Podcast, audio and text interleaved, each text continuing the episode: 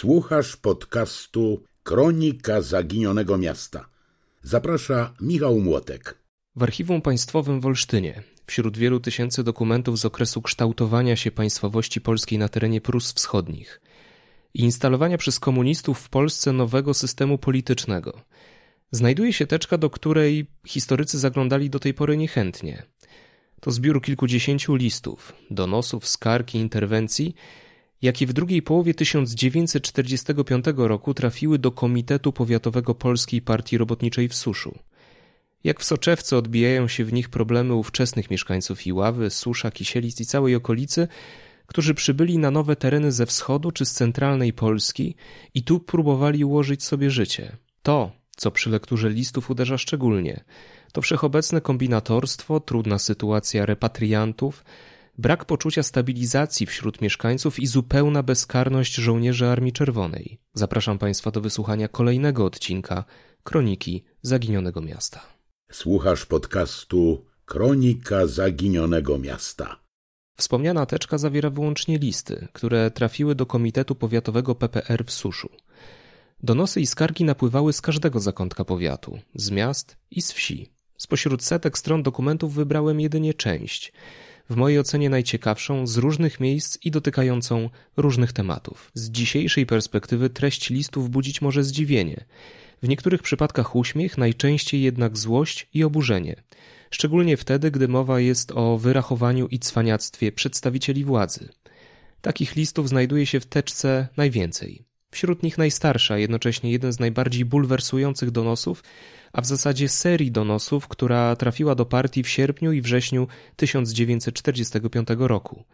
Wszystkie dotyczyły osoby Józefa Stachowskiego, wójta powojennej gminy Harnowo, dawnego Harnał, a dzisiejszych Klim pod Kisielicami. Oto fragment pierwszego donosu w oryginale. 21 sierpnia był przydział krów. Wójt Stachowski oświadczył, żeby krowy przydzielone wsi przygnać do podziału. Dnia 21 na wieczór oświadczył wójt, że ja też dostanę krowy do wyboru, bo bydło to ja przygnałem. Następnego dnia 22 sierpnia rano przeszłem do wójta, a on oznajmił, że za późno imię krowy nie przydzielił. Krowę otrzymało dwóch braci z jednej gospodarki, którzy dotychczas nie mają żony ni dzieci.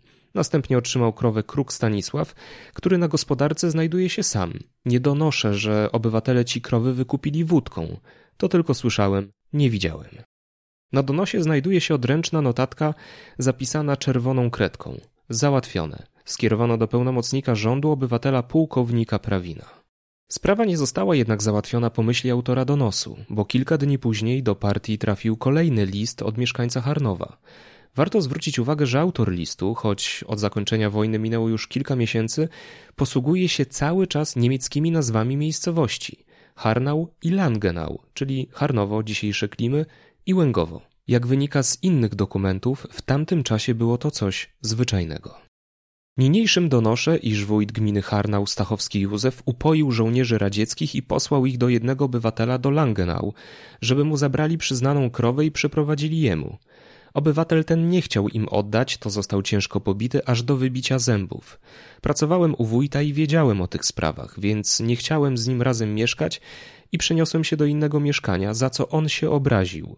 Przyszedł do mnie 27 sierpnia wieczorem z pijanym żołnierzem radzieckim i rozpoczął u mnie awanturę, wyzywając mnie od złodziejów i Volksdeutsche, krzycząc ja was wszystkich aresztuję i powiedział do tego żołnierza zrób to, co ja ci mówiłem. I nie wiadomo co by było, gdyby był komendant MO nie postawił przy mem mieszkaniu straży. Powiedziałem mu, że jutro będzie zebranie PPR, to my to powiemy. To powiedział, że zebranie odbędzie się bez jego zezwolenia i on wszystkich aresztuje i pozdychają jak psy. Żonę moją wyzwał od kurew. Mieszkańcy Harnowa musieli być bardzo zdeterminowani, bo już 28 sierpnia we wsi odbyło się zebranie, po którym mieszkańcy zwrócili się z apelem do partii o usunięcie wójta Stachowskiego. Napisali wtedy. My niżej podpisani, zebrani w dniu 28 sierpnia 1945 roku na otwartym zebraniu żądamy usunięcia obywatela Stachowskiego Józefa ze stanowiska wójta. Podanie swoje motywujemy tym, że obywatel ten nie pracuje zgodnie z programem demokratycznym rządu, a natomiast terroryzuje ludzi, nasyła na nich pijanych żołnierzy sowieckich, którzy dokonują na osiedlonej tu ludności różnych gwałtów i kradzieży, co my w całości potwierdzamy. List mieszkańców Harnowa nie przyniósł oczekiwanego efektu. Miesiąc później Stachowski nadal był wójtem, a donosy na niego napływały dalej. 23 września mieszkaniec wsi napisał do partii. Niniejszym donoszę, że wójt gminy Harnowo wziął sobie z przydziału bydła państwowego dwie krowy i dostał konia ze starostwa w suszu, mimo że miał już swoją krowę. Jeszcze jedną krowę dał swej narzeczonej, która jest sama z jednym dzieckiem i otrzymuje zapomogi pieniężne jako wdowa wojenna i dostaje karty żywnościowe, a gospodarstwa sama nie prowadzi, gdyż nie jest w stanie obrobić, a ludzie, którzy mają duże rodziny i prowadzą gospodarstwa, nie mają ani jednej sztuki inwentarza, to dla nich nie ma pomocy. Dalej pojawia się wątek bliskich znajomości wójta z żołnierzami Armii Czerwonej, co mogłoby tłumaczyć pewną jego nietykalność. Obywatel wójt robi różne świństwa, jak upija się z żołnierzami sowieckimi i robi napady na ludzi, terroryzuje ich, no i nie ma na niego żadnej rady. Prosimy o załatwienie raz tej sprawy, żebyście to raz zakończyli, gdyż my już kilka razy zwracali się w tej sprawie, a nasze prośby zostają przeważnie bez odpowiedzi. Podobnych spraw było więcej. W innym donosie przeczytać można, że sołtys jednej wsi pod Suszem cytuje Wspólnie ze swym zastępcą nie pozwala się ludziom osiedlać we wiosce, gdyż sam pozajmował wszystkie gospodarstwa, umieszczając kartki z napisem dom ten jest zajęty przez sołtysa tej wioski. Ten sam sołtys miał, według mieszkańców, zabierać osadnikom narzędzia rolnicze, wywozić je i sprzedawać, by, oddajmy głos ponownie autorem donosu, otrzymać pieniądze i wyjechać z tych stron, gdyż stanowisko sołtysa to jest dla niego za mało. Donosy pisano też na urzędników wyższych szczebli. 2 września 1945 roku Józef Okraszewski, sekretarz PPR w Prabutach, opisał działalność miejskich urzędników, którzy według niego wykradali z magazynu aprowizacyjnego smalec i cukier. W tym donosie wyjaśnił, co miało dziać się dalej z wykradanymi towarami. Dochodzą mnie słuchy, że burmistrz miasta Prabuty Edward Lis kupuje konie i płaci za nie smalcem, który dostał dla ludzi, pisał Okraszewski. I dodawał, to może stwierdzić sekretarz magistratu Wiatrow Władysław. Sprawa ówczesnego burmistrza Prabut powróciła w donosie, który trafił do partii w październiku, jednak najpierw zwrócono w nim uwagę na osobę starosty powiatu iławskiego. Niniejszym donosimy, że w dniu 11 października posłaliśmy zaproszenie obywatelowi staroście na zebranie. Obywatel starosta nie stawił się, lecz obraził się za to, że zaproszenie było napisane czerwonym atramentem, więc powiedział, że on został tem obrażony jako najwyższy przedstawiciel powiatu i do niego śmie się wysyłać świstki pisane czerwonym atramentem. Starosta już od dłuższego czasu, pisali dalej autorzy tego donosu, postępuje w ten sposób, że na każdym kroku domaga się od obywateli niskich ukłonów, zaznaczając wszędzie, że on jest starostą, a nie zwykłym człowiekiem, więc należy mu się, ażeby oddawać mu honory. On nie może zrozumieć, że nie mamy już rządów sanacyjno-faszystowskich, lecz rząd demokratyczny. I sprawa burmistrza Prabut Edwarda Lisa. Zostały zrobione doniesienia na obywatela burmistrza z Prabut, że kupuje konie za tłuszcz i cukier przeznaczony za prowizacji dla ludzi i konie później sprzedaje, pieniądze zabierając sobie i chodzi ciągle pijany, terroryzując przy tym urzędników po pijanemu. Listy z kompromitującymi opisami postępowania urzędników niższego i wyższego szczebla, momentami przerysowane, to najobszerniejsza kategoria donosów steczki. Druga, nawet dziś wywołująca żal i gorycz, obrazuje w jak trudnych warunkach żyli pierwsi polscy osadnicy, którzy przybyli na teren powiatu suskiego w połowie 1945 roku. Sprawa dotyczy mieszkanki dzisiejszego Łęgowa w gminie Kisielice. Tekst oryginalny. Niniejszym donoszę, że jadąc z Łęgowa do powiatu Sierpc, gmina Bieżuń w celu kopania kartofli na swej poprzedniej gospodarce, gdyż tu nie mamy już co jeść. Wzięliśmy ze sobą żywność jak chleb, koc do nakrycia i trzy metry materiału koloru zielonego, który kupiłam będąc na robocie w Niemczech. Po wojnie chciałam z niego uszyć sobie płaszcz. Po drodze spotyka nas komendant milicji obywatelskiej i zaczyna robić rewizję. W toku rewizji zabiera nam koc i materiał wieziony przeze mnie na płaszcz.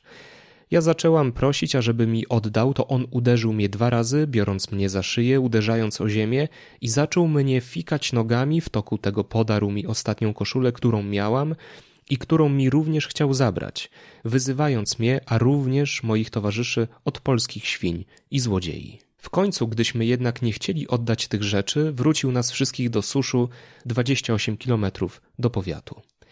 Dopiero komendant powiatowy oddał nam te rzeczy. Prosimy o załatwienie tej sprawy, gdyż my uważamy, że nie po to żeśmy przyjechali na ziemię mazurskie, ażeby nas milicja niewinnie rozbijała po drogach. I kolejny donos, nieco inny, tym razem z Wiśniówka pod Suszem. Niniejszym donoszę, że żona administratora majątku Weizenfelde, wchodząc do kuchni niemieckiej, gdzie pracują Niemcy, pozdrawia ich pozdrowieniem Heil Hitler, mimo że dzieci niemieckie zwracają jej uwagę, że teraz jest Polska i trzeba mówić dzień dobry, jednakowoż pani Roman pozdrawia ich tylko w języku niemieckim. W dniu 24 września 1945 roku, będąc w przejeździe, wstąpiłem do majątku Weizenfelde, mając interes do obywatela asztemborskiego. Przypadkowo weszłem do kancelarii obywatela Romana i znalazłem pod biurkiem książkę Mein Kampf, starannie utrzymaną i czytaną przez obywatela Romana, gdyż było oznaczone, dokąd przeczytał. I dalej. Obywatel Roman zdradza swym postępowaniem dużo patriotyzmu dla Niemców i Hitlera. Prosimy o unieszkodliwienie tego obywatela, gdyż w ogóle nie możemy zrozumieć, jak może w dzisiejszym czasie człowiek sympatyzujący Niemcom być administratorem na państwowym majątku? To tylko drobna część zgłoszonych spraw. Każdy taki donos był weryfikowany i analizowany. Czasem przeprowadzano śledztwa, niektórymi sprawami zajmował się Powiatowy Urząd Bezpieczeństwa Publicznego. Konsekwencje wyciągano wobec tych osób, którym udowodniono winę, ale też wobec autorów tych donosów, które okazały się jedynie pomówieniami. Tych też nie brakowało. Przejdźmy do Iławy. W październiku 1945 roku do Komitetu Miejskiego Polskiej Partii Robotniczej w Iławie trafił donos o uderzającej treści. Niniejszym donoszę, że w Iławie jest dziesięciu gospodarzy z Zabuga, którzy nie mają zupełnie z czego żyć. Już raz wystarałem im się, że dostali od komendanta wojennego po trzy bochenki chleba, po metrze żyta, lecz więcej im dać nie chcą. Burmistrz miasta Iławy ani starostwo nie chcą im dać żadnej zapomogi, więc ci ludzie przychodzą do mnie i proszą, żeby ich zastrzelić, gdyż oni już dalej nie mogą, gdyż głód jest gorszy jak śmierć. Więc zapytuję się, co ja mam z nimi zrobić i proszę, o ile możliwe, o jakiekolwiek rozwiązanie tej sprawy, ażeby pomóc tym ludziom. To skrajny przykład, obrazujący z jakimi problemami zmagali się osadnicy w powojennej Iławie ale tak, nawet jeśli brzmi to nieprawdopodobnie, wyglądało wtedy życie. Z innego donosu dowiadujemy się, że w nocy z 10 na 11 października jacyś nieznani osobnicy pozrywali z domu Komitetu Miejskiego w Iławie flagi i plakaty propagandowe. To tylko kilkanaście z kilkudziesięciu donosów, jakie zachowały się wśród listów nadesłanych do Komitetu Powiatowego Polskiej Partii Robotniczej. Na ślady nadsyłanych donosów i skarg natrafić można w protokołach z posiedzeń Polskiej Partii Socjalistycznej i późniejszych wspólnych posiedzeń PPS i PPR, a także w protokołach z sesji Miejskiej Rady Narodowej w Iławie i Powiatowej Rady Narodowej. Donos był normą, zaraz po wojnie, jak i przez cały okres PRL. Oby ten czas już nigdy nie wrócił. Ja nazywam się Michał Młotek, interesuje mnie wszystko, co jest związane z Iławą. Spotkajmy się w mediach społecznościowych, czekam na Państwa pod adresem facebook.com łamane na michal.mlotek.ilawa. Zapraszam też do internetowego Muzeum Iławy na www.ilawasprzedlat.pl, czyli do tworzonej przeze mnie od kilkunastu lat bazy wiedzy o naszym mieście. Słuchasz podcastu Kronika Zaginionego Miasta. Zaprasza Michał Młotek.